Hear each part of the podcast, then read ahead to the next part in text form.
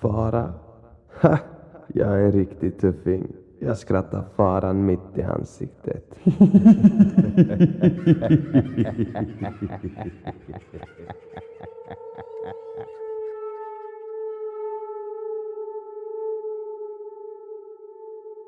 När min mamma födde sitt fjärde barn, min yngsta lilla syster, stannade hennes hjärta och hon dog.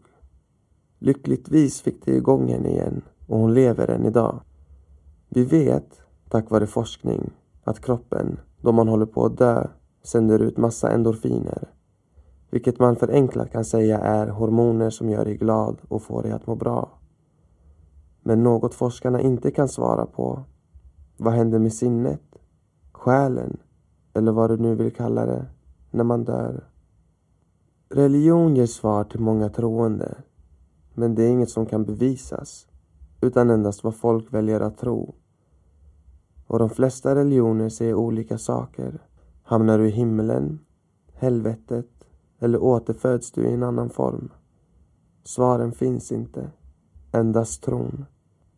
Och vi kommer nog aldrig kunna få svar på vad jag anser är en av de största gåtorna i mänsklighetens historia. Vad händer efter döden? Jag avundas religiösa människor som kan begrava sina funderingar i religionens trygga famn. Tyvärr får jag, och många andra, inte veta svaret förrän vi själva drar våra sista andetag. Men min mamma har svar. Hon dog ju. Visserligen var hon inte död allt för länge, men ändå. Hon var död. Ni kommer nu få lyssna på hennes berättelse om vad hon gick igenom när hon dog. Jag flöt, som i ett limbo. Struten var otroligt stor. Grå väggar som bubblade ut. Det går inte att beskriva bra med ord. Men där låg jag, flöt omkring. Det fanns inget som gjorde ont längre. Ingen oro, ingen ondska. Det är den finaste känslan jag har upplevt. Jag tittade ner och såg ljuset. Skuggan stod där och väntade på mig. Jag kände den. Skuggan var bekant och jag ville ner. Men dörrarna i struten skulle gås igenom först. Det visste jag. Det var nödvändigt. Jag gick igenom första och sa adjö till mina föräldrar. Kom rakt in i deras vardagsrum de satt där och tittade på TV. Nästa dörr. Min syster. Hon blev arg och stängde den igen. Hon accepterade inte ödet. Min moster. Nästa dörr. Hon log mot mig från köket. Ta hand om er. Jag var ute i struten igen. Hur tar man sig ner? Jag började snurra lite neråt. Lycka. Lite längre. Men sen Sen drogs jag upp, snurrade snabbt uppåt, försökte hålla mig kvar. Jag ville inte upp. Jag vill till skuggan, till ljuset. Jag kände ilska.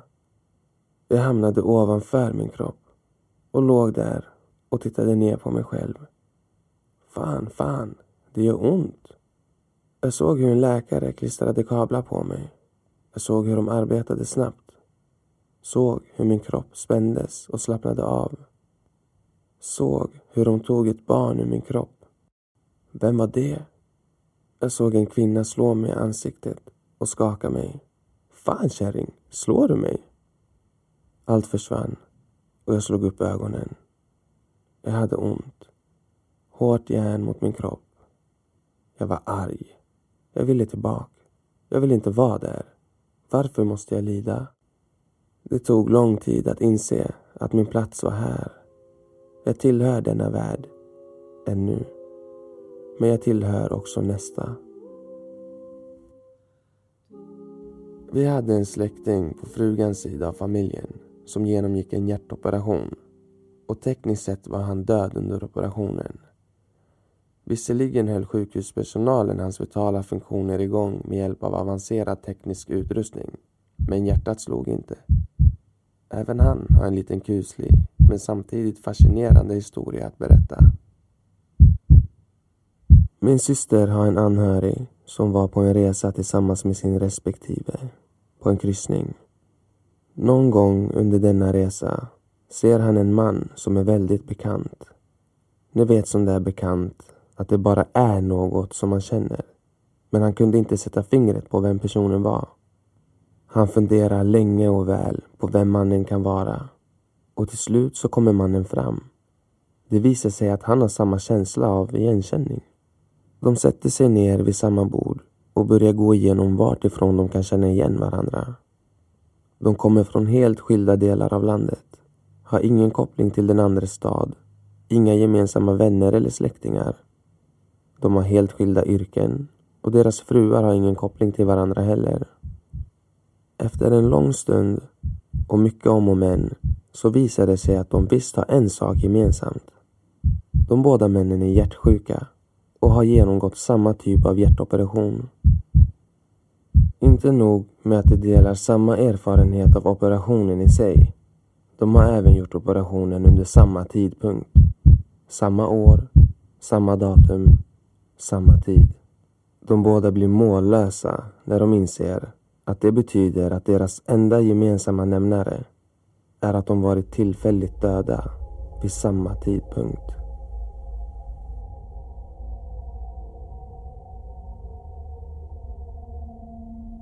Har ni, eller någon ni känner, dött för att sedan återupplivas? Jag och många andra med mig vill mer än gärna höra era upplevelser om vad ni har gått igenom. Och om ni vill dela med er får ni gärna skriva ett mejl. eller skriva på Instagram.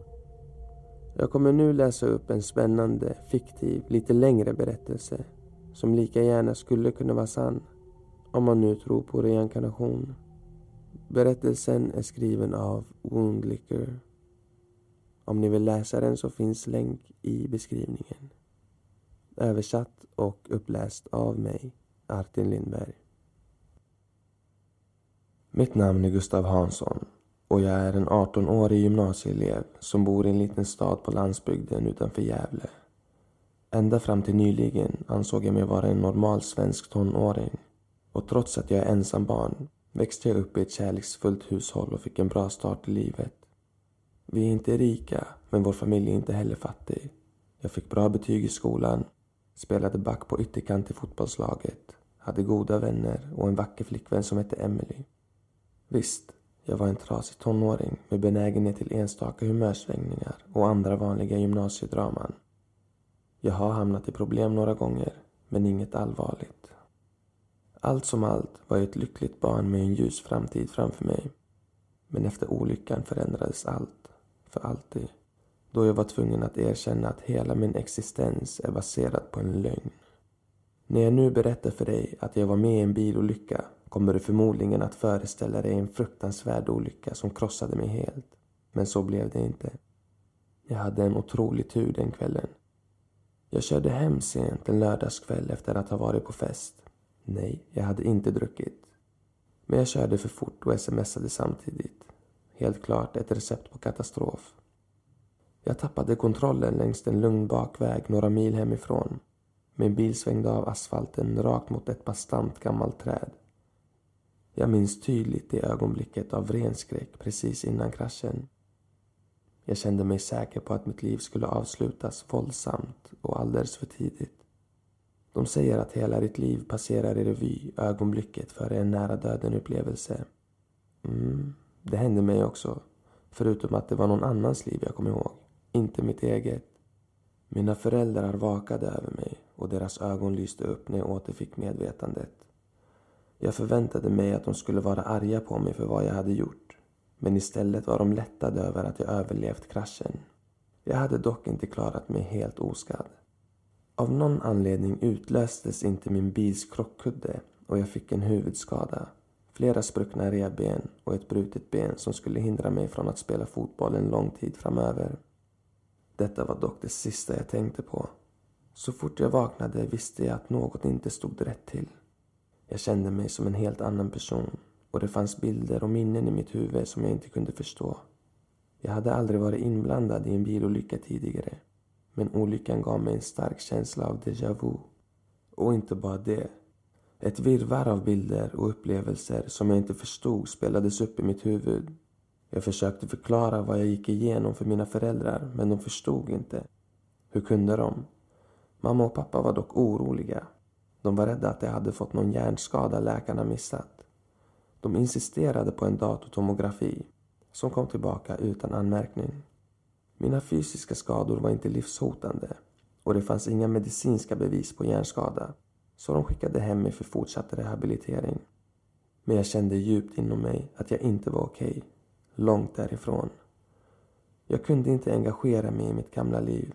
Jag var kall mot mina föräldrar och när mina vänner och flickvän kom på besök slängde jag knappt ett öga åt deras håll. Jag blev snart en enstöring. Låste in mig själv i mitt rum. Min verkande hjärna arbetade övertid när jag försökte förstå galenskapen i mitt huvud. Jag kan inte berätta hur det hände. Men en dag klickade allt. När en flod av minnen, fångade i ett gömt hörn av min hjärna, plötsligt rann ut. Jag antog att alla minnen var en paranoid vanföreställning föranledd av traumat från olyckan. Men sedan började jag leta upp datum och namn på nätet och blev minst sagt förvånad när jag hittade bevis för att mina minnen stämde överens med historien. Du förstår, jag var inte alltid en tonårsgymnasieelev från Gävle.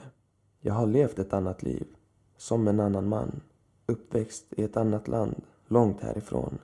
Jag har blivit reinkarnerad på något sätt. Fått en andra chans, som en ny person i en ny kropp. Det verkar vara meningen att jag inte skulle ha något minne av min tidigare existens. Men min olycka och huvudskada måste ha väckt minnen som var tänkta att glömmas. Men Pandoras ask är öppen nu och jag kan inte återgå till min tidigare lyckliga okunnighet. Jag kan inte heller berätta för någon om vad jag minns. Inte mina föräldrar, min flickvän eller någon av mina vänner. Istället har jag bestämt mig för att dela min historia här. I hopp om att personer med kunskap om det övernaturliga och livet efter detta ska förstå och kanske till och med ha lite sympati för min situation. Fast kanske inte. Som du kommer att få höra gjorde jag i mitt tidigare liv något fruktansvärt och kanske oförlåtligt. Jag gjorde en deal som dömde andra att lida så att han, eller snarare jag, kunde få det jag ville.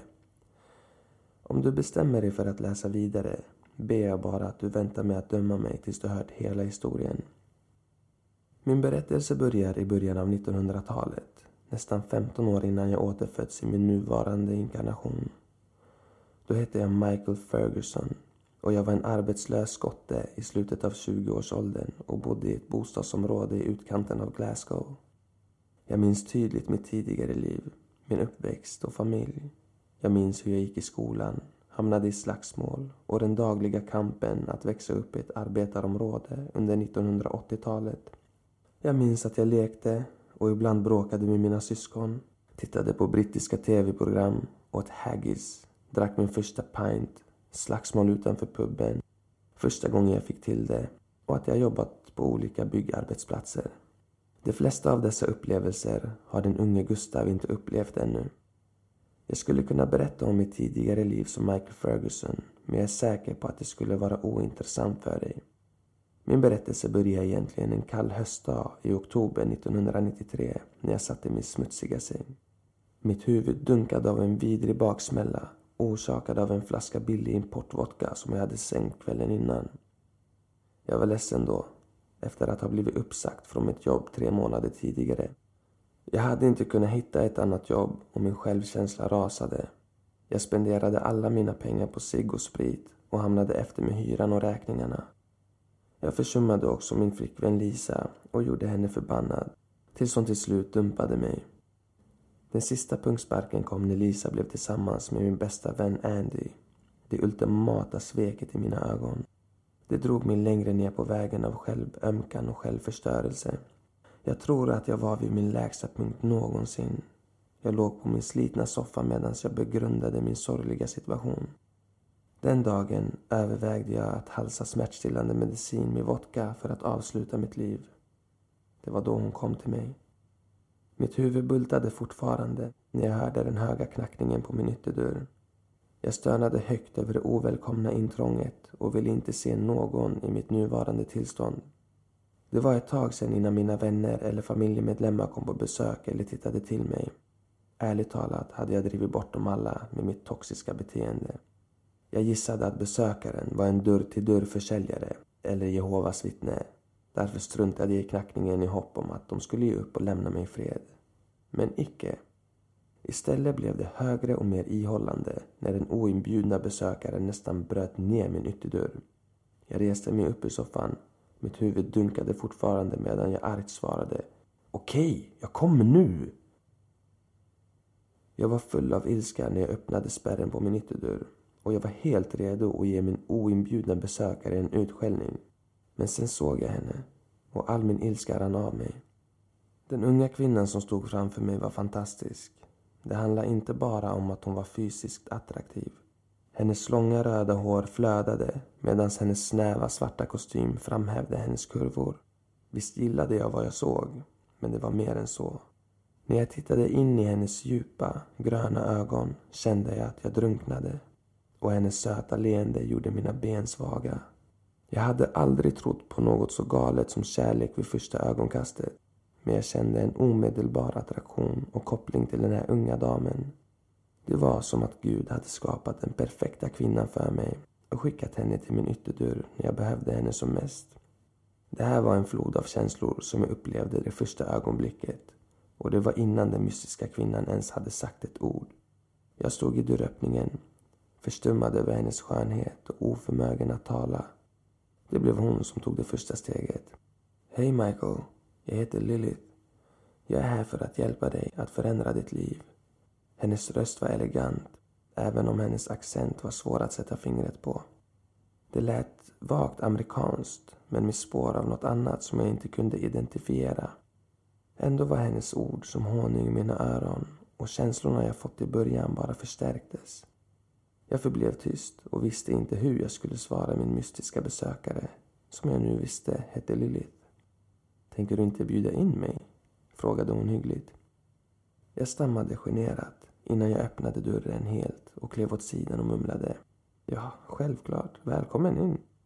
Lilith log när hon klev in i min lägenhet. Ljudet av hennes höga klackar lät mot mitt hårda trägolv. Hon gick förbi mig mot vardagsrummet och jag kunde känna doften av hennes söta parfym. Jag var redan förälskad när jag sakta stängde min ytterdörr. Nu fanns det uppenbarligen många röda flaggor som jag ignorerat för tillfället. Jag visste inte vem den här kvinnan var eller vad hon ville ha av mig. Jag ifrågasatte inte heller hur hon visste mitt namn. Och när hon hade presenterat sig som Lilith, namnet, det ringde en klocka någonstans i mitt bakhuvud. Men återigen kunde jag inte riktigt placera det. Lilith hade använt sin skönhet och charm för att ta sig in. Men saker och ting tog en dyster vändning när hon väl var inne. Jag följde med Lilith in i mitt vardagsrum och såg henne överblicka scenen med avsky. Hon tittade på de smutsiga tallrikarna, halvfulla take away-kartongerna och spritflaskorna som var utspridda över hela rummet. Hon gjorde plats för sin handväska på mitt soffbord och sopade av skräp från soffan innan hon satte sig. Jag älskar verkligen vad du har gjort med stället, sa hon sarkastiskt. Jag kände mig plötsligt väldigt generad och insåg vilket uselt skick mitt hem var i.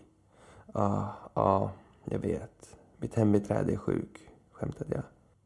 Men Lilly såg inte imponerad ut. Hon såg ner på mig med uppenbart medlidande och förakt. Jag förstod henne. Det var inte bara min lägenhet som var sunkig, utan jag var också en röra vid det här laget. Kläderna jag bar var smutsiga och jag var orakad och otvättad. För att inte tala om överviktig och med en andedräkt som fortfarande stank av gårdagens alkohol. Jag var dum som ens tänkte tanken att den här underbara unga kvinnan någonsin skulle vara intresserad av en förlorare som mig. Lilith suckade högt medan hon skakade på huvudet. Jo du, Michael, vi har mycket att prata om. Sätt dig. Jag svalde hårt. På något sätt kände jag att dynamiken hade förändrats och jag började känna mig lite skraj. Ändå lydde jag Liliths befallning och tog plats bredvid henne. Jag blev fängslad av den förföriska doften av hennes parfym som stod i skarp kontrast till lukten av min otvättade svettluktande kropp. Men hon riggade inte tillbaka, rynkade inte på näsan utan vinkade istället till mig att komma närmre medan hon tittade mig rakt i ögonen. Michael, du har nått botten, eller hur? Min stolthet var sårad och jag ville inte erkänna att hon hade rätt. Jag går igenom en svår situation just nu, men jag kommer på fötter igen, sa jag. Lilith svarade med ett hånfullt skratt. En svår situation? Är det vad du kallar det? Nåväl. Låt oss sammanfatta din situation, Michael. Du förlorade ditt jobb. Din tjej sprang iväg med din bästa kompis. Du är ett fattigt fyllo som håller på att bli vräkt från det här sunkiga stället. Du har även lyckats jaga bort all din familj och dina vänner. Och fem minuter innan jag kom övervägde du att ta ditt liv. Så berätta för mig, min vän. Vad exakt är din plan? Hur ska du komma på fötter igen? Jag kände hur illamåendet gav mig kvällningar efter att ha hört hennes hårda men sanna ord. Och mitt huvud fylldes plötsligt av arg förvirring. Hur fan vet du allt det här? krävde jag att få veta. Lilith log innan hon svarade. Jag vet allt om dig, Michael. Varje smutsig liten hemlighet. Alla dina förhoppningar och drömmar. Jag kan till och med berätta om din framtid och kan hjälpa dig uppnå den. Jag skakade på huvudet och mitt hjärta fylldes av ilska när jag insåg att jag blivit lurad. Lilith, eller vad hennes riktiga namn var, var uppenbarligen inte någon att lita på. Hon hade fått reda på lite information om mig och använde det i ett försök att manipulera mig. Inget jag tänkte gå med på.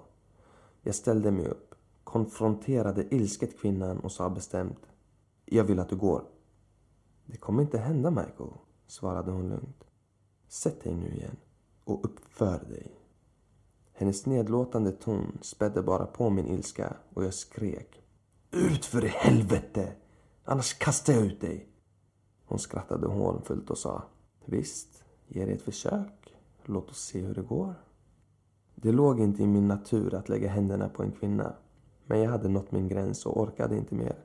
Jag sträckte mig för att ta Lilith i armen, men plötsligt frös jag till is. Jag menar att jag bokstavligen inte kunde röra mig eftersom hela min kropp var förlamad av någon osynlig kraft. Jag försökte öppna munnen för att skrika, men kunde inte ens klara av det. Istället tittade jag ner på Lilith. Ett grymt leende spelade på hennes läppar och hon verkade njuta av min situation. Jag tror att du behöver ytterligare en demonstration av den makt jag har över dig, sa hon. Jag noterade hur hela hennes uppförande hade förändrats på några sekunder. Plötsligt kände jag att jag var i allvarlig fara. Gå till köket och hämta en brödkniv från lådan, befallde hon. Jag blev förbryllad ett ögonblick tills mina ben plötsligt började röra sig och jag kom på mig själv att gå ut ur rummet mot mitt lilla kök. Jag försökte sluta men blev förfärad när jag insåg att jag inte längre hade kontroll över någon del av min kropp. På något sätt hade Lily tagit över mig som sin egen personliga marionettdocka. Jag kunde bara förskräckt se på när min egen hand drog upp kökslådan och drog ut en vass kniv. Och en stund senare ledde mina ben mig tillbaka till vardagsrummet där Lilith väntade på mig. Okej, bra, sa hon kyligt. Håll nu kniven mot strupen. Min hand lydde orden och jag blev förskräckt över att känna det kalla stålet mot min hud. Varje instinkt i min kropp sa åt mig att sluta, men jag var totalt maktlös. Du vill dö, eller hur? frågade Lilith. Ska jag skära halsen av dig? Hela min kropp darrade vid det här laget. Svettet rann från mina porer och tårarna ner för mina kinder när jag försökte be om nåd trots mina förlamade läppar. Jag tittade in i Liliths gröna ögon och tyckte att jag såg en glimt av sympati bakom hennes hårda blick. Släpp den, befallde hon. Och plötsligt föll kniven från min hand ner på trägolvet. Sätt dig där borta, sa hon sen. Och mina ben tvingade mig att marschera genom rummet och ta plats vänd mot Lilith som fortfarande satt i soffan och såg road ut. När jag väl satt mig återfick jag plötsligt kontrollen över min kropp och reagerade med enorm lättnad när jag skakade på armar och ben. Slappna av, Michael, sa Lilith och hennes ton mjuknade igen nu när hon hade visat sin poäng och makt över mig. Jag är inte här för att döda dig. Som jag sa, jag vill hjälpa dig. Om du låter mig göra det. Jag skakade på huvudet och trodde fortfarande inte att detta verkligen hände. Jag hade många obesvarade frågor som flög genom min trötta hjärna. Vad är du? frågade jag fåraktigt. Någon sorts häxa? Hon ryckte på axlarna medan hon svarade. Jag antar att du kan kalla mig det. Jag har blivit kallad för mycket värre saker om jag ska vara ärlig. Hon hade inte riktigt svarat på min fråga och jag kunde inte göra mig klok på situationen. Jag förstod att hon var mäktig. Men jag hade fortfarande ingen aning om vidden av hennes krafter. Varför jag? Varför gör du så här mot mig? frågade jag. För att du har tur, svarade hon med ett generöst leende. Jag ser potential i dig, Michael. Och det gör min arbetsgivare också. Vi vill ge dig chansen att få allt du vill ha i livet. Och vad vill du ha i gengäld? Frågade jag, då det fortfarande kändes som att jag blev lurad. Lilith skrattade. Du är en smart man, Michael.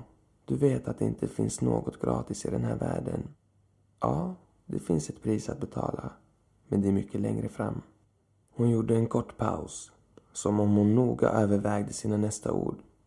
Just nu är du bitter och full av ilska. Jag förstår det. Folk har gjort dig förbannad hela ditt liv. Hur i helvete kan du veta det? avbröt jag argt. För att jag vet allt om dig, Michael. Förstår du inte det? Men jag antar att du behöver ytterligare bevis.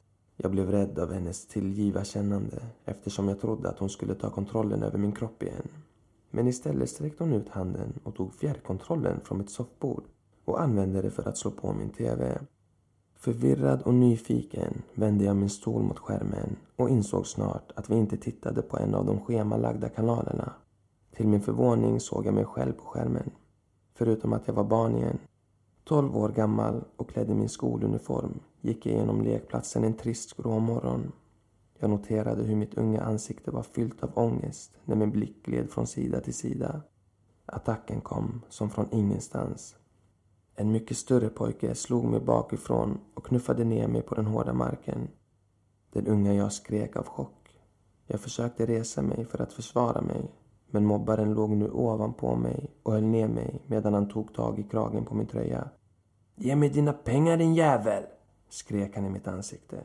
Besegrad och rädd drog den unge jag fram några mynt ur sin ficka och överlämnade dem. Översittaren hånade mig när han tog emot sitt byte, spottade mig i ansiktet och sparkade mig hårt i magen när han gick därifrån medan han skrattade. Att bevittna det gamla överfallet fyllde mig med ilska och många dåliga minnen kom tillbaka till mig. Mobbaren hette Angus. Han misshandlade mig, stal mina pengar och gjorde i största allmänhet mitt liv till ett helvete under skoltiden. Jag hade släppt skolgårdsmobbningen och bestämt mig för att det helt enkelt var en del av att växa upp. Men att se mitt unga jag bli slagen och förmjukad på det sättet fick alla känslor att välla tillbaka. Jag hatade Angus igen och ville hämnas. Som alltid verkade det som att Lilith kunde läsa mina tankar och frågan hon ställde var precis vad jag tänkte.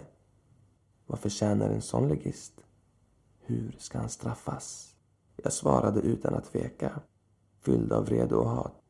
Han förtjänar att bli sönderslagen, svarade jag bestämt. Mycket bra, svarade Lilith innan hon tryckte på en annan knapp på min fjärrkontroll. Det dök upp en ny bild på skärmen. En rökfylld pub. Jag såg en man spela biljard och kände snabbt igen honom. Jag hade inte sett Angus på mer än tio år men ändå kände jag igen honom på en gång.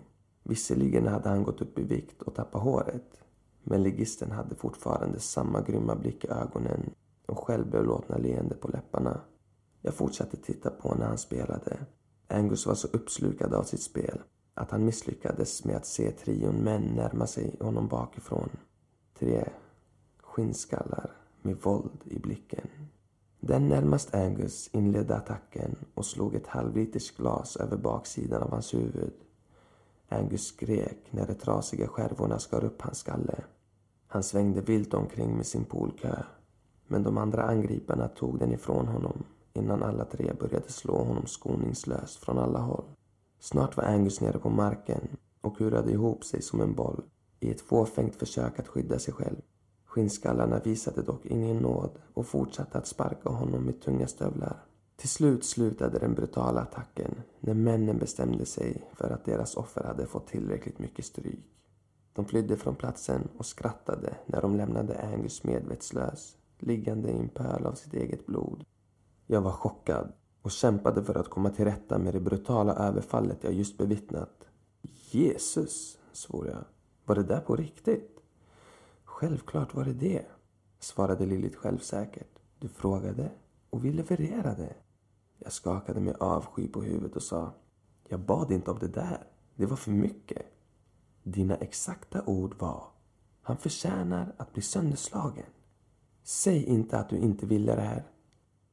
Men när han... Jag kunde inte säga nästa ord. Men som alltid förstod Lilith mig. Han kommer att överleva, svarade hon. Jag hann inte bearbeta det jag hade sett innan nästa bild dök upp på skärmen. Jag såg mig själv igen. Men nu var jag vuxen och i min nuvarande ålder. Faktum är att scenen jag tittade på bara var från några månader tidigare. Precis innan mitt liv gick åt helvete. Jag var iförd min arbetsoverall och satt inne på ett trångt kontor. Mitt emot mig stod Karen, den hårdnackade kontorschefen på byggfirman jag tidigare arbetat för. Hon var en blond medelålders kvinna, lätt överviktig och med ansiktet inbakat i smink. Scenen jag återupplevde var smärtsam för mig eftersom Karen precis höll på att ge mig sparken. Återigen förtärde ilskan mig när jag såg vad som utspelade sig på tv-skärmen. Jag kunde knappt höra hennes ord men kom ihåg fraser som otillfredsställande arbetsprestationer och budgetnedskärningar. Summan av kardemumman var i alla fall att jag blev uppsagd utan avgångsvederlag. Men det som verkligen gjorde mig förbannad var det självbelåtna leendet i hennes ansikte. Den häxan gillade mig aldrig, muttrade jag genom sammanbitna tänder. Så, vad ska det vara? frågade Lilith. Vad förtjänar hon för att ha tagit ifrån dig ditt levebröd? Jag var tvungen att tänka efter ett ögonblick eftersom att jag visste att det här inte längre var en retorisk fråga. Vad jag än bestämde skulle det spelas upp på skärmen framför mig och förmodligen i verkligheten också. Jag borde ha varit tyst, men nej. Jag antar att min ilska och bitterhet var för stark.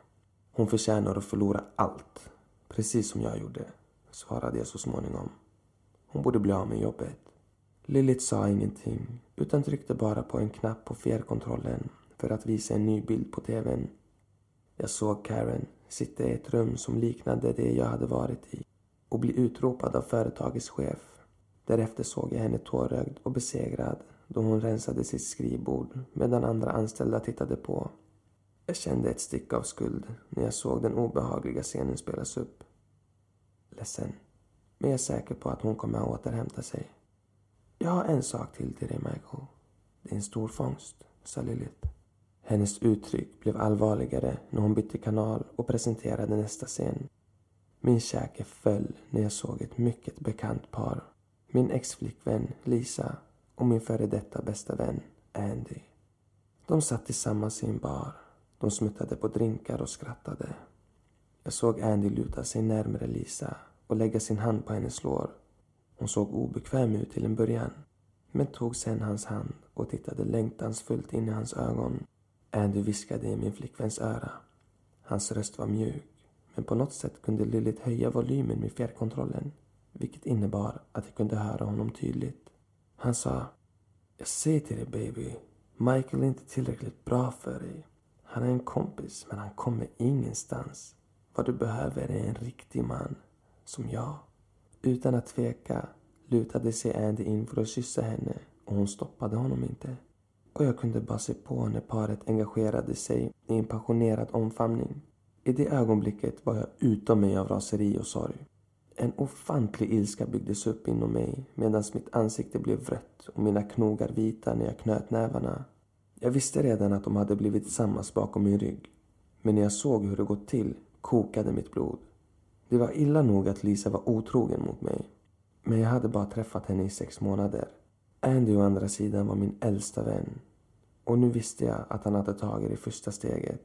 Min ilska var febril. Men det blev värre. Nästa scen slog mig som ett godståg när jag plötsligt såg Andy och Lisa i sängen tillsammans. Mm, gissa vad de gjorde? Det stönande ljud som Lisa gav ifrån sig gjorde det tydligt att de trivdes väldigt bra. Det kändes som att mitt huvud skulle explodera när ilskan och förnedringen överväldigade mig. Jag plockade upp en tom vodkaflaska från soffbordet och förberedde mig på att kasta den mot skärmen med all min kraft. Men Lilith stoppade mig. Nej, Michael. Det är inte så det här fungerar. Hon kastade en hård blick på mig och jag backade.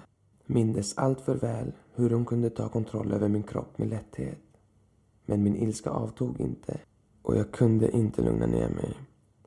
Till slut ställde Lilith den oundvikliga frågan.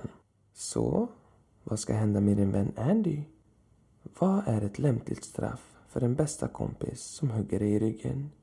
För den jäveln som stal din tjej och förödmjukade dig? Min hjärna brann. Mina ögon fylldes av ilskna tårar när jag fortsatte se Andy och Lisa rulla runt i hotellrummet. Jag borde ha tagit ett andetag och gått därifrån. Men det gjorde jag inte. Nästa ord jag sa var genom sammanbitna tänder och jag kommer få ångra dem i all evighet. Han förtjänar att dö. Den där ryggradslösa jäveln borde dö för vad han har gjort mot mig. Jag tittade över till Lilith och såg en gnista i hennes gröna ögon när hon tryckte på en knapp på fjärrkontrollen. Ett litet knapptryck som skulle förändra mitt liv för alltid. Bilden förändrades och jag såg en byggarbetsplats i gryningen och byggarbetare som påbörjade morgonens arbete. Jag såg Andy i en bygghjälm promenerandes mot platsen, visslande när han gick, som om att han inte hade några bekymmer. Den stackars jäveln hade ingen aning om vad som väntade. En stund senare såg jag förskräckt på när byggnadsställningarna på framsidan av den halvklara byggnaden knarrade och sen kollapsade. Andy tittade upp i sista sekund och skrek av absolut skräck när ett ton metall och tegel föll på hans huvud, krossade hans ömtåliga kropp och begravde honom under skräpet. Herregud, stammade jag. Hela kroppen darrade när jag kände en brännande smärta i bakhuvudet. Det fanns ingen glädje i att bevittna Andys död och jag kände direkt en extrem skuld. Men jag kunde inte göra det ogjort. Under det kritiska ögonblicket hade jag velat se Andy död och hade sagt orden och vetat vad som skulle hända. Jag satt och stirrade tomt på tv-skärmen, förlamad av chock medan jag försökte bearbeta vad som just hade hänt. Jag märkte knappt att Lilith hade rest sig och gick mot mig. Hon la sin ömtåliga hand stadigt på min axel och jag kände hur energin pulserade genom min kropp och tvingade mig tillbaka till verkligheten. Och när jag tittade tillbaka in i hennes intensiva gröna ögon insåg jag att vi nu hade ett band som aldrig kunde brytas. Vi var sammanbundna av blod. Det som är gjort är gjort, Michael, sa hon mjukt. Hans död kommer att avskrivas som en olycka och myndigheterna kommer aldrig att kunna spåra den tillbaka till dig. Ditt liv kommer att förändras från denna punkt och framåt, Michael. Det kommer bli bättre. Det kommer dröja innan vi ses igen. Hon suckade djupt och jag kan svära på att jag såg sorg i hennes ögon när hon tog handen från min axel, tog sin handväska från bordet, klev genom min lilla lägenhet och gick ut genom ytterdörren. Lämnade mig ensam, stirrande på en tom skärm. Jag kunde inte sova den natten eftersom händelserna den dagen spelades på repeat i mitt huvud. Det kom inte som en överraskning när jag fick samtalet nästa dag. En gemensam vän som berättade för mig att Andy var död. På något sätt lyckades jag släpa mig till begravningen och följa med de svartklädda sörjande genom kyrkogården en trist grå morgon. Jag kunde inte titta på Andys familj under ceremonin. Tanken på hans sörjande mamma var för mycket. Lisa kom fram till mig. Hennes ögon fylldes av tårar när hon försökte prata med mig. Men jag stötte bort min exflickvän och kollade inte åt hennes håll igen. Jag vet inte exakt hur jag hanterade min skuld över Andys död. Hjärnan är en rolig sak och har en tendens att rationalisera händelser den inte kan förklara. Jag sa till mig själv att det bisarra mötet med Lilith inte hade varit verkligt. Säkert hade det varit en vanföreställning orsakad av min depression och mitt drickande. Jag bestämde mig för att jag inte var ansvarig för Andys död. Hur kunde jag vara det? Det var en olycka och jag var inte skyldig. Det var det jag sa till mig själv. Men i mitt hjärta visste jag att det inte var sanningen. Jag valde att ignorera den söta doften av Liliths parfym som låg kvar i min lägenhet flera månader tills jag så småningom flyttade ut. Då hade jag ingen riktig aning om vad jag hade gett mig in på. Men Lilith hade varit ärlig om en sak. Mitt liv blev mycket bättre. Jag nyktrade till i efterdyningarna av Andys död. Jag var frestad att plocka upp flaskan och dränka mina sorger. Men när alkoholen nuddade mina läppar äcklades jag och spottade ut den igen. Istället började jag gå upp på morgnarna, tvätta mig och komma i form igen. Jag fick ett nytt jobb inom några veckor och jobbade hårt för att utveckla min karriär. För första gången på månader hade jag pengar på fickan och ett nytt förtroende för mig själv.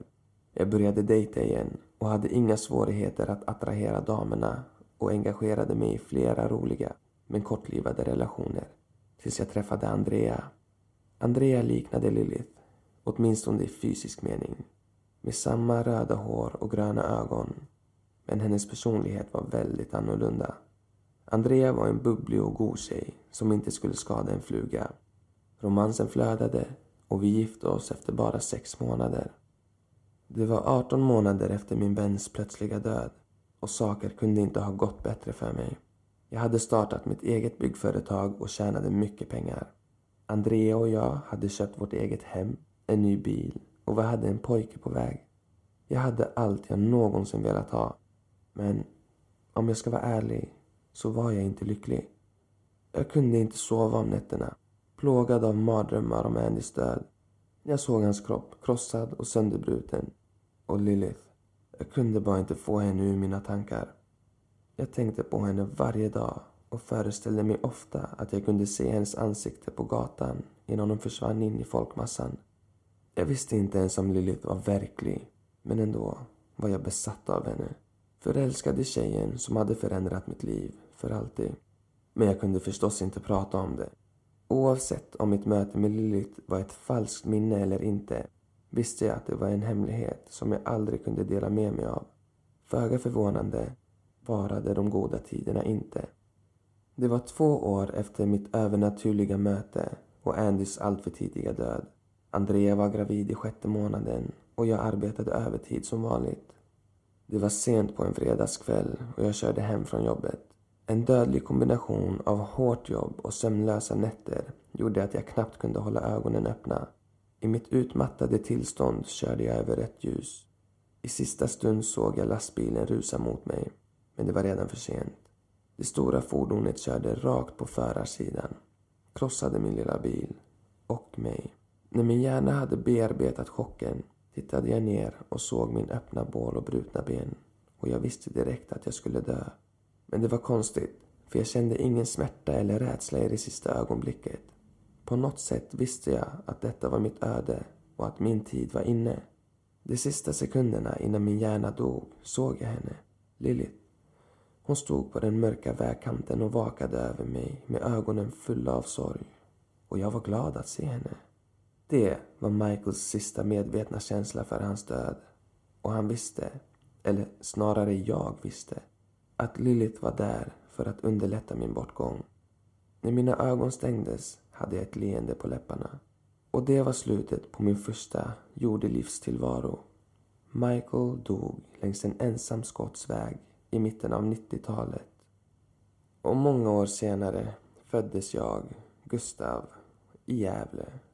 Två olika människor, åtskilda av ett stort hav. Men en själ som återuppstod och återvände till den dödliga världen. Men det är inte slutet på min historia. Du förstår. Jag minns inte bara Michael Fergusons bortgång. Jag minns också vad som hände sen. Det här är den mest otroliga delen av min berättelse. Men jag svär att det är sanningen. Mitt första minne efter min död var att jag vaknade i en mjuk säng. Mitt huvud sköt upp från kudden när minnet av olyckan kom tillbaka. Jag hade panik ett ögonblick. Men när jag undersökte min omgivning befann jag mig inne i något som såg ut som ett femstjärnigt hotellrum. Komplett med en himmelsäng, tapeter i lager, fina möbler och till och med en minibar och en plattskärms-tv. Morgonens solljus sken genom spetsgardinerna och mjuk, lugnande musik spelade i bakgrunden, vilket hjälpte mig att lugna mig. Plötsligt ersattes musiken av en mild, okroppslig mans röst som talade direkt till mig. Han sa Hej Michael, var inte orolig. Du är på en säker plats och jag är här för att hjälpa dig. Välkommen till Hotell Limbo. Vänligen gör dig bekväm och ta dig tid att anpassa dig till din omgivning. När du är redo, vänligen gå in genom dörren till höger så börjar vi med orienteringsprocessen. Jag blev chockad och förvirrad av orden, men bara för ett ögonblick. På något sätt klickade allt i mitt huvud. Jag hade sett extraordinära saker i livet den dagen. I min lägenhet, när hon kom till mig. Var allt detta en del av planen? Var det meningen att jag skulle dö så att jag skulle kunna komma till denna plats? Var detta nu än var. Jag var inte säker, men tänkte ta reda på det. Och så reste jag mig från sängen, satte mina fötter på den mjuka mattan medan mina näsborrar fylldes av den ljuvliga doften av rosor. Och jag gick mot den väntande dörren. En våg av energi passerade genom mig när jag placerade min hand på handtaget och vred om. Jag förväntade mig att komma ut i en hotellkorridor men istället blev jag förvånad över att se mig själv på ett lyxigt kontor. Prytt med läderstolar, bokhyllor och ett rejält skrivbord i ek. Bakom skrivbordet satt en vänskaplig, äldre, vithårig man klädd i en obefläckad smokingdräkt och log mot mig medan hans ögon lystes upp av förväntan. Åh, oh, Michael! Det är ett nöje att träffa dig, sir. Han reste sig från fåtöljen och sträckte ut sin hand för att skaka min. Jag besvarade gesten och kände en slags värme strömma igenom mig. Var god och sitt. Jag accepterade villigt hans erbjudande och satte mig på en mjuk läderfåtölj mittemot den mystiska mannen. Han fortsatte att le mjukt. Hans varma ögon tittade sympatiskt på mig medan han pratade. Ja, Michael. Jag vill inte att du ska få panik. Men jag är rädd att jag har dåliga nyheter till dig. Det är ingen idé att linda in dig i silke, min vän. Du är död. Han tittade försiktigt på mig, som att han förväntade sig att jag skulle bryta ihop eller tappa förståndet. Jag tror att mitt svar förvånade honom. Ja, jag vet, svarade jag. Åh, ja, aha. Det, det är bra. Det är väldigt bra. De flesta som kommer hit har inte förstått sin nya situation. Det är bra att du är så accepterande. Det kommer spara mig mycket tid. Så det här är livet efter detta? frågade jag nervöst. Så att säga, svarade mannen. På Hotell Limbo hjälper vi till att förbereda de nyligen avlidna för nästa steg i deras resa. Det här är en plats för övergång och jag ska vara ärlig, det finns tyvärr en del byråkrati att gå igenom. Jag kände en kall kyla. Mitt hjärta krossades eftersom jag visste att jag inte var Guds bästa barn. Jag stammade mina nästa ord genom darrande läppar och frågade är, är, är, är du Gud? Gubben skrattade mjukt innan han svarade. Herregud, nej. Jag är bara en tjänare. En representant om du så vill. Oroa dig inte, Michael. Jag är inte här för att döma dig. Bara för att hjälpa dig. Men du bestämmer vart jag ska gå, undrade jag. Ja, svarade han med mindre självsäkerhet. Det finns en process att gå igenom, men det är verkligen ingenting att oroa sig för. Det är kanske bättre om jag visar dig. Han klickade med fingrarna och fick en uppsättning röda satingardiner bakom hans skrivbord att öppnas och avslöja en stor svart tv-skärm som plötsligt fick liv och visade bilder och underverk bortom mina vildaste fantasier. Den första platsen han visade mig var en av ljus, liv och lycka. Jag såg gröna fält och klara bäckar under blå himmel och en strålande sol som lyste upp ett fridfullt land. Jag såg vackra strukturer, vita marmortorn och slott med fantastiska spiror som såg ut som något ur en saga. Landet var fullt av liv. De ljuva sångerna från fåglar som fyllde luften och rådjur som majestätiskt strövade genom fälten och skogarna. Människorna jag såg på skärmen var av alla raser och trosuppfattningar. De klädde sig i vita dräkter och vandrade genom landsbygden och uppskattade varje blomma och varelse de mötte. Som om deras sinnen på något sätt var förhöjda. Andra arbetade på slotten och slet med projekt som engagerade deras passioner. Skriva, sjunga, bygga. Alla såg nöjda och glada ut. Slutscenen var en stor fest som hölls i en stor sal med långbord fyllda till bredden med mat och delikatesser från hela världen. Middagsgästerna drack, åt och skrattade glatt medan de njöt av festen och varandras sällskap. Alla var glada och nöjda. Paradiset, mumlade jag medan mina ögon fokuserade på de underbara bilderna. Ja, det är något, eller hur? utbrast mannen med ett leende. Det såg för bra ut för att vara sant och jag visste att det inte var dit jag var på väg. Det finns andra ställen, va? muttrade jag. Mannen nickade, som om att han förutsett denna fråga. Ja, det är sant. Ärligt talat, få människor kommer till himlen första gången. Vi är inte alla helgon trots allt. Mannen skrattade, men möttes av mitt stenkalla ansikte och så fortsatte han i en mer allvarlig ton. Skärselden Sannolikheten är att du kommer åka dit, åtminstone ett tag. Det finns alltid ett pris att betala. Kan jag få se det? Frågade jag otåligt. Självklart. Den gamle mannen klickade med fingrarna igen och en serie bilder dök upp på skärmen. Jag såg fula, gråa byggnader under en ännu gråare himmel när ett konstant kallt regn föll till jorden. Tusentals olyckliga människor gick längs en fullsatt trottoar och knuffade varandra när de genomblöta rusade från plats till plats. Och i gränderna utanför huvudgatorna slogs skabbiga råttor och duvor om skräp från välta soptunnor. Därefter såg jag människor på jobbet, stå i löpande band eller sitta i trånga kontorsbås med huvuden nedböjda. Ögonen saknade passion när de utförde tråkiga jobb utan syfte. Och till sist såg jag en man som såg ledsen ut. Han satt ensam och tuggade på vad som såg ut som en billig mikrovågsugnsmåltid och suckade högt när han tvingade in den oaptitliga maten i munnen.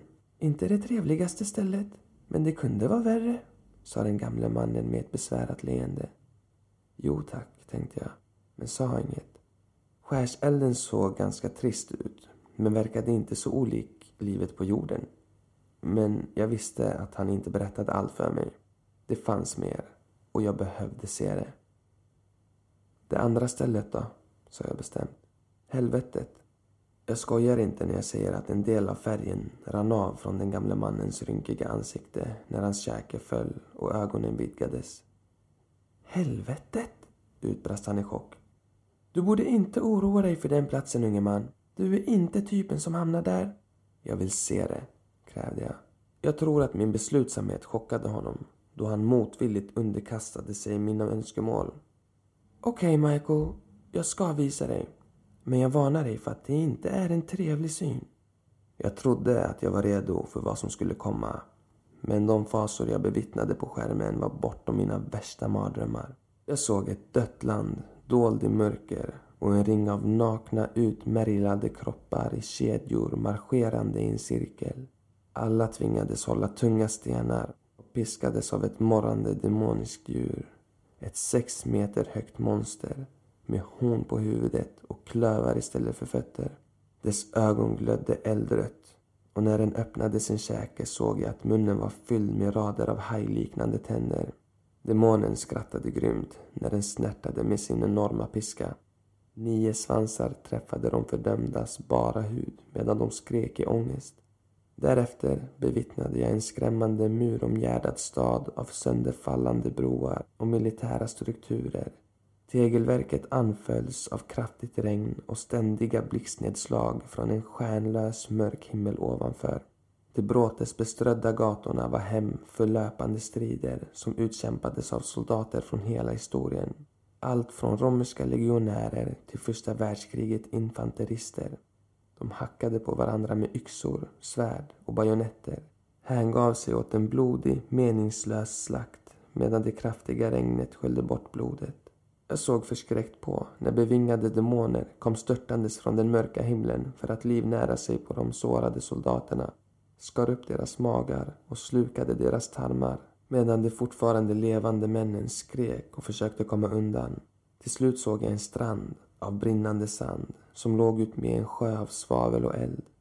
Ännu fler nakna själar sprang i fullkomlig skräck längs stranden. Deras fötter brann när de rädda tittade upp mot himlen ovanför dem. Jag blev snart vittne till skräcken de flydde från. Plötsligt föll ett stort odjur från himlen. En kolsvart drake, stor som en buss, med brinnande röda ögon och ett fruktansvärt gap som andades eld. Brände de fördömda i ett brinnande inferno innan han grep tag i deras brända lik med mäktiga klor och slet de förkolnade kropparna i strimlor. Herregud, yttrade jag i misstro. Min kropp darrade när mitt hjärta bearbetade de skrämmande bilderna jag just hade sett. Gubben verkade också berörd och kanske generad när han stammade sina nästa ord. Ja, ja, ja, jag försökte varna dig. Men sen kom leendet tillbaka och han sa. Men du borde inte oroa dig, Michael. Jag har läst din fil och du är inte typen som hamnar i helvetet. Den eviga fördömelsen gäller syndare som inte ångrar sig, tyranner, barnförövare, mördare och andra inte så snälla typer. Hans leende vidgades när han försökte lugna mig, men det hjälpte inte. Jag började kallsvettas och insåg att jag fortfarande kunde uppleva skuld även efter döden. Jag återupplevde det ögonblicket i min smutsiga lägenhet för två år sedan när Lilith hade visat mig bilderna på Andy som förförde min flickvän. Jag mindes den ilska jag hade känt och orden jag hade sagt. Han förtjänar att dö. Jag var en mördare, men på något sätt hade de missat det. Annars skulle jag inte sitta här. Jag kunde ha hållit käften och hoppats på det bästa. Men jag visste att jag inte skulle kunna leva i all evighet med denna skuld. Jag öppnade mina torra läppar och förberedde mig för att tala. Men plötsligt öppnades kontorsdörren och en rasande gestalt kom in.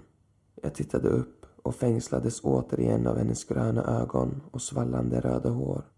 Mitt hjärta hoppade över ett slag när jag riktade ögonen på min förälskelse. För kvinnan som stod in på kontoret var Lilith och hon var arg som fan. Den milda äldre mannen reagerade med förvåning på det oväntade intrånget och ropade. Vad är meningen med det här? Hur vågar du avbryta mitt möte? Håll käften gubbe, skrek Lilith av raseri. Den här själen är min. Jag såg elden i Liliths ögon, imponerad av hennes närvaro och all passion jag känt för två år sedan kom tillbaka. Mannen bakom skrivbordet blev häpen och stammade sitt svar. Jag, jag, jag är rädd att du måste ha fel. Michael här bearbetas för livet efter detta. Allt enligt rutin. Ni idioter har tagit fel igen, utbrast Lilith ilsket. Michael tillhör mig. En affär gjordes och förseglades i blod. Jag såg chocken i mannens ögon.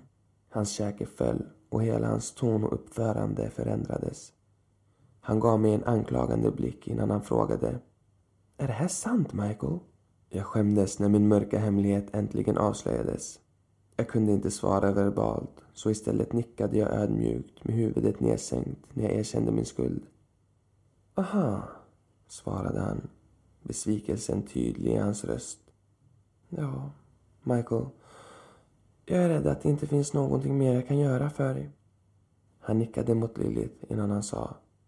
Du får ta honom. Jag upplevde en fruktansvärd känsla när jag tittade in i hennes intensiva ögon. Kom igen, Michael. Låt oss gå, befallde hon. Jag tittade tillbaka på den gamle mannen bakom skrivbordet och bad tyst om hans stöd. Men hans rygg var vänd mot mig. Hans stol var nu vänd mot den bortre väggen. Resignerad till mitt öde reste jag mig på mina darrande ben och följde Lilith till dörren. Det var samma ingång som jag hade kommit in igenom. Men på något sätt visste jag att den inte skulle leda oss tillbaka till det lyxiga hotellrummet. Lilith la sin smala hand på dörrhandtaget och öppnade dörren till det som skulle visa sig vara mitt personliga helvete. Jag stod i dörröppningen i förbluffad tystnad och trodde knappt vad jag såg. Det var en exakt kopia av min förfallna, smutsiga lägenhet för två år sedan. Där fanns till och med de tomma vodkaflaskorna och den fläckiga soffan. Till min fasa insåg jag att jag höll på att återföras till mitt livs lägsta punkt. När jag stod på randen till självmord och strax innan Lilith kom till mig. Jag tittade på Lilith med tårar i ögonen när jag bad om nåd. Snälla, tvinga mig inte gå tillbaka dit. Jag svor att jag kunde se lite sympati i hennes ögon, även om hennes röst inte vacklade när hon bestämt svarade. Du måste. Det finns inget val. Men så gjorde hon något oväntat och sträckte ut handen för att ta min hand i hennes. Det är okej. Okay. Jag kommer vara med dig. Jag kände en värme strömma genom mig och samlade mod. Satte fram en fot och klev in i den helvetiska kopian av mitt forna hem. Så fort vi var inne slogs dörren igen bakom oss och jag fattade att jag var instängd. Jag fick panik. Lilith avvaktade medan jag tog mig igenom den lilla lägenheten och desperat letade efter en väg ut. Ytterdörren var ordentligt låst och alla fönster var murade. Det enda ljuset kom från svaga elektriska lampor som inte gick att släcka.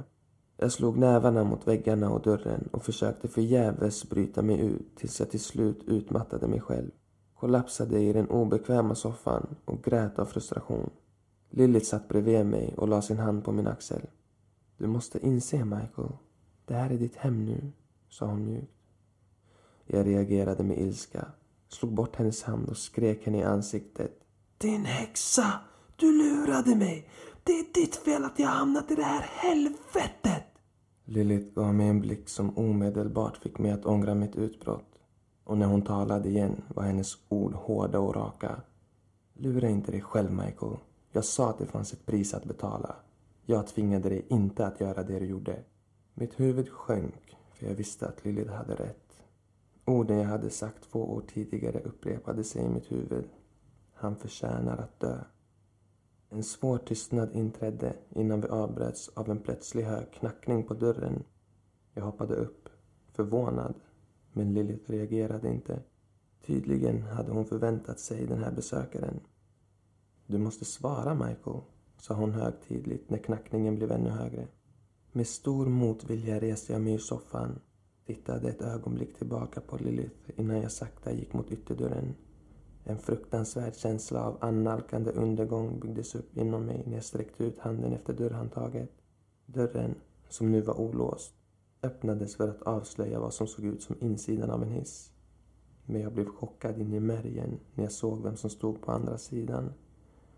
Det var Andy, min tidigare bästa vän som jag praktiskt sett hade mördat två år tidigare. Eller kanske var det en demonisk varelse som hade tagit formen av min bortgångne vän.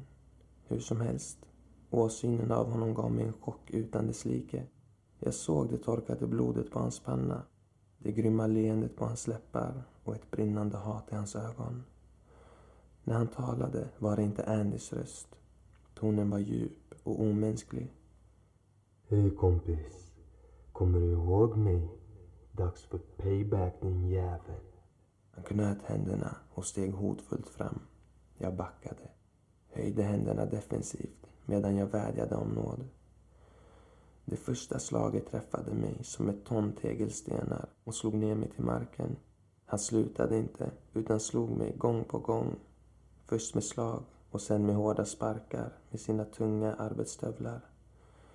Jag skrek av smärta och skräck medan Andys ondskefulla attack fortsatte med oförminskad styrka. Mitt i allt tittade jag upp med blod i ögonen och såg Lilith stå i dörröppningen till vardagsrummet. Hon såg på mig. Det fanns sorg i hennes ögon, men hon ansträngde sig inte för att ingripa eller stoppa attacken. Jag kände hur jag tappade medvetandet när smärtan överväldigade mig och jag trodde att Andy skulle slå ihjäl mig. Men han slutade plötsligt misshandla mig och gick bort från min blodiga kropp samtidigt som han skrattade sadistiskt och sa Det var allt för den här gången kompis. Vi ses snart. Lilith kom till min sida så fort ytterdörren stängdes, hjälpte mig på fötter och guidade mig till sovrummet där hon försiktigt la ner mig på madrassen. Hon pratade med en mjuk och lugnande ton och höll min hand medan hon viskade. Det kommer bli okej, okay, Michael. Det kommer bli bra. Hon låg med mig på sängen och höll om min trasiga kropp samtidigt som hon tröstade mig. Och på något sätt måste hon ha använt sina krafter för att läka mina sår. För alla mina skärsår, brutna ben och blåmärken försvann inom några få timmar. Jag kände lättnad och tacksamhet, tittade in i Lilits djupa ögon och upplevde en våg av känslor. Instinktivt lutade jag mig framåt i avsikt att kyssa henne men Lilith backade för att förhindra det. Jag kände mig generad. Jag visste inte vad jag skulle säga eller göra. Men så knackade det ännu en gång på dörren och mitt hjärta frös till av skräck.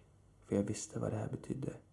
Andy, eller vilken demon som nu hade besatt hans kropp, var tillbaka för att puckla på mig igen. Och så var det. Jag är inte säker på hur länge. Andy slog mig och Lilith skötte om mig bara för att hela helvetesrutinen skulle upprepas om och om igen. Missförstå mig inte. Jag underkastade mig inte ödmjukt min plåga. Vid flera tillfällen försökte jag slå tillbaka. Bara för att lätt bli övermannad av varelsen som hade tagit min väns form. En gång lyckades jag ta mig förbi honom, genom dörren och in i hissen som hade transporterat odjuret. Bara för att konstatera att det inte fanns några knappar inuti för att manövrera hissen. Och självklart drog Andy ut mig och fortsatte misshandeln. Lilith var inte alltid där för att bevittna övergreppen men hon kom alltid i efterdyningarna för att läka mina skador. Hon materialiserades ur tomma luften genom någon sorts mörk magi. Jag kände hur mina känslor för henne växte under den här tiden. Hon erbjöd den enda glimten av hopp jag hade i detta helvetet jag själv skapat. När hon höll om mig kände jag mig varm och trygg, åtminstone ett tag. Bara för att vara tydlig. Vår relation förblev i huvudsak platonisk. Jag hade ingen sexuell lust på det stället. Ändå blev hon hela min värld under den där hemska tiden. Vid ett tillfälle ställde jag efter en särskilt brutal misshandel henne den fråga som hade varit fast i mina tankar så länge. Varför? frågade jag. Varför tog du mig hit? Och varför gör du så här? Det var en fruktansvärd sorg jag såg i hennes gröna ögon och en lång paus följde innan hon till slut svarade. Jag är instängd här, precis som du. Demonen som slår dig fångade min själ för länge sedan. Han tvingar mig att agera som hans siren och dra in andra, som du. Tillsammans lurar vi in olyckliga själar i dessa förbannade blodspakter så att han kan plåga dem i all evighet. Snyftade hon mjukt innan hon fortsatte. Jag hatar mig själv för det jag har gjort. Om jag kunde göra det ogjort skulle jag aldrig ha valt dig, Michael. Jag är så ledsen. Jag nickade när jag hörde hennes ord. Ärligt talat, detta var mer eller mindre vad jag hade misstänkt, så jag blev inte förvånad. Det är okej, okay, svarade jag till slut. Det är inte ditt fel. Vi har båda gjort dåliga saker och vi kan inte ändra det förflutna. Jag suckade djupt innan jag avslutade min mening. Jag önskar bara att det fanns en väg ut för oss. Liliths ögon lyste upp innan hon svarade. Kanske finns det. Åtminstone för en av oss. Jag rynkade pannan och förstod inte hennes kryptiska ord. Vad menar du? Bara vänta och se, svarade Lilith med en blinkning och ett leende. Och det gjorde jag. Jag visste inte hur länge jag var instängd i det helvetet eller hur många gånger jag blivit brutalt misshandlad. Men jag minns tydligt dagen då allt förändrades. Jag öppnade dörren som vanligt. Min kropp darrade när jag såg Andy marschera mot mig.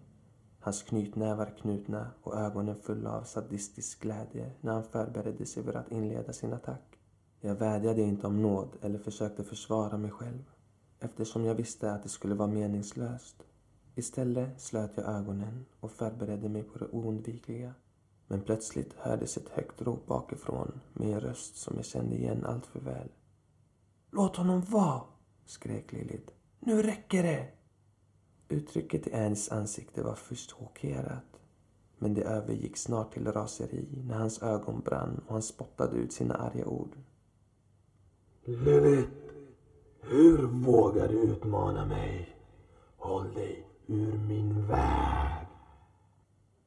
Lilith svarade med trots, steg fram och trängde sig förbi mig och placerade sig mellan mig och min demoniska angripare. Nej, sa hon bestämt. Jag gör inte det här längre. Jag såg hjälplöst på när demonen skrek av raseri och attackerade och slog mot Lilith. Men hon försvarade sig, parerade hans slag och knuffade honom med all kraft hon kunde uppbåda. Andy kastades förvånat baklänges in i den öppna hissen. Hans kropp kraschade kraftigt mot det kalla stålet. Lilith stormade fram och sträckte sig efter handtaget för att slå igen dörren. Demonen som maskerade sig som Andy skrek. Din jävel! Du kommer få betala för det här! Hon stängde dörren och tittade på mig. Hon brann fortfarande av trots. Hon hade äntligen stått upp mot sin djävulska mästare. Men jag kände en kall kyla när jag mindes demonens avskedshot. Herregud, vad har du gjort? muttrade jag rädd och Lilits ögon fylldes av en råskräck. Lilith lämnade mig strax efter och det tog ett tag innan jag såg henne igen. Hon lämnade mig ensam i mitt fängelse med föreställningar av allt det hemska som kunde ha hänt henne. Så en dag vaknade jag och såg henne sitta i änden av min säng och titta på mig när jag sov. Jag kunde inte hålla tillbaka min lättnad över att se henne igen och kramade henne passionerat. Men när jag såg Liliths ansikte insåg jag att någonting var fel. Hon såg utmattad ut. Elden i hennes ögon hade slocknat. Vad hände? Vad gjorde den jäveln med dig? Frågade jag med oro. Hon skakade på huvudet innan hon svarade. Det spelar ingen roll. Det viktiga är att du kommer ut. Vad menar du? utbrast jag förvirrat. Du släpps iväg genom en teknikalitet, svarade hon det verkar som att jag inte informerade dig om villkoren när vi gjorde vår affär.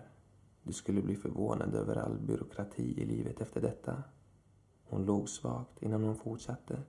Hur som helst, det viktiga är att du får en andra chans. ett helt nytt liv. Och du kommer inte komma ihåg någonting av den här mardrömmen. Jag kunde inte tro vad jag hörde. Och jag förstod inte heller. Men du då? utbrast jag i panik. Följer du inte med? Hon undvek min blick och knuffade bort mig när hon svarade. Jag kan inte. Min deal gäller fortfarande. Och som du vet, det finns ett pris att betala. Jag skakade trotsigt på huvudet och sa, jag går inte utan dig. Du måste, svarade Lilith medan hon tog min hand och såg mig djupt in i ögonen. Jag kommer aldrig glömma dig, Michael. Hon lutade sig framför och kyssa mig och jag upplevde en våg av känslor som rann igenom mig när hennes läppar rörde vid mina. En elektricitet som väckte något djupt begravt inuti mig. Men när hon drog sig tillbaka kände jag mig plötsligt yr, tappade snabbt medvetandet och allt blev svart. Det sista jag såg innan mörkret tog mig var Liliths ansikte, ett mjukt leende på hennes läppar och en tår i ögat. Så, det var min historia. Den om mitt första liv, död och tillfälliga vistelse i helvetets rike. Michael dog i Skottland i en bilolycka 1995. Jag kunde bekräfta så mycket från arkiverade nyhetsrapporter från den tiden. Han lämnade efter sig sin änka Andrea och sonen han aldrig träffat föddes tre månader efter hans död. Det stämmer. Jag har en son som är äldre än jag. Michael Mike Ferguson Jr. Jag hittade hans profil på Facebook och kände att någon hade trampat över min grav när jag såg hans fotografi. Jag funderade på att kontakta honom, men vad fan skulle jag säga? Hur skulle jag kunna förklara något av det här? Så, Michael dog 1995 och Gustav föddes 2007. Det betyder att min själ tillbringade 12 år med att plågas innan Lilith släppte mig fri. Om hon inte hade gjort det skulle jag fortfarande vara där nu. Men istället lever jag livet som en tonåring i Gävle. Och om det inte hade varit för min huvudskada skulle jag inte ens komma ihåg något av det här. Och jag skulle förmodligen vara gladare för det. Jag kan inte sluta tänka på Lilith och den uppoffring hon gjorde för att rädda mig. Jag vet att hon lider på andra sidan. Plågas av den där vidriga demonen som straffar henne för sveket. Jag kan dock inte acceptera det. Trots allt bryr jag mig fortfarande väldigt mycket om Lilith och jag kommer inte vila förrän jag räddar henne. Jag vet inte hur jag ska klara det. Inte än i alla fall. Jag har redan dött en gång och jag har inte bråttom att göra det igen. Dessutom finns det ingen garanti för att jag kommer tillbaka till samma plats då livet efter detta verkar vara av den oorganiserade karaktären med förvirrande byråkrati. Men något måste jag göra. Jag kommer prata med präster, medier, demonologer och paranormala utredare. Alla som kan ha ett sätt att kommunicera med den andra sidan. Jag bryr mig inte om det tar resten av mitt liv, men på något sätt kommer jag att lyckas. Jag kommer för att rädda dig, Lilith, och vi kommer vara tillsammans i all evighet. Det är vårt öde och jag kommer aldrig att sluta kämpa för dig.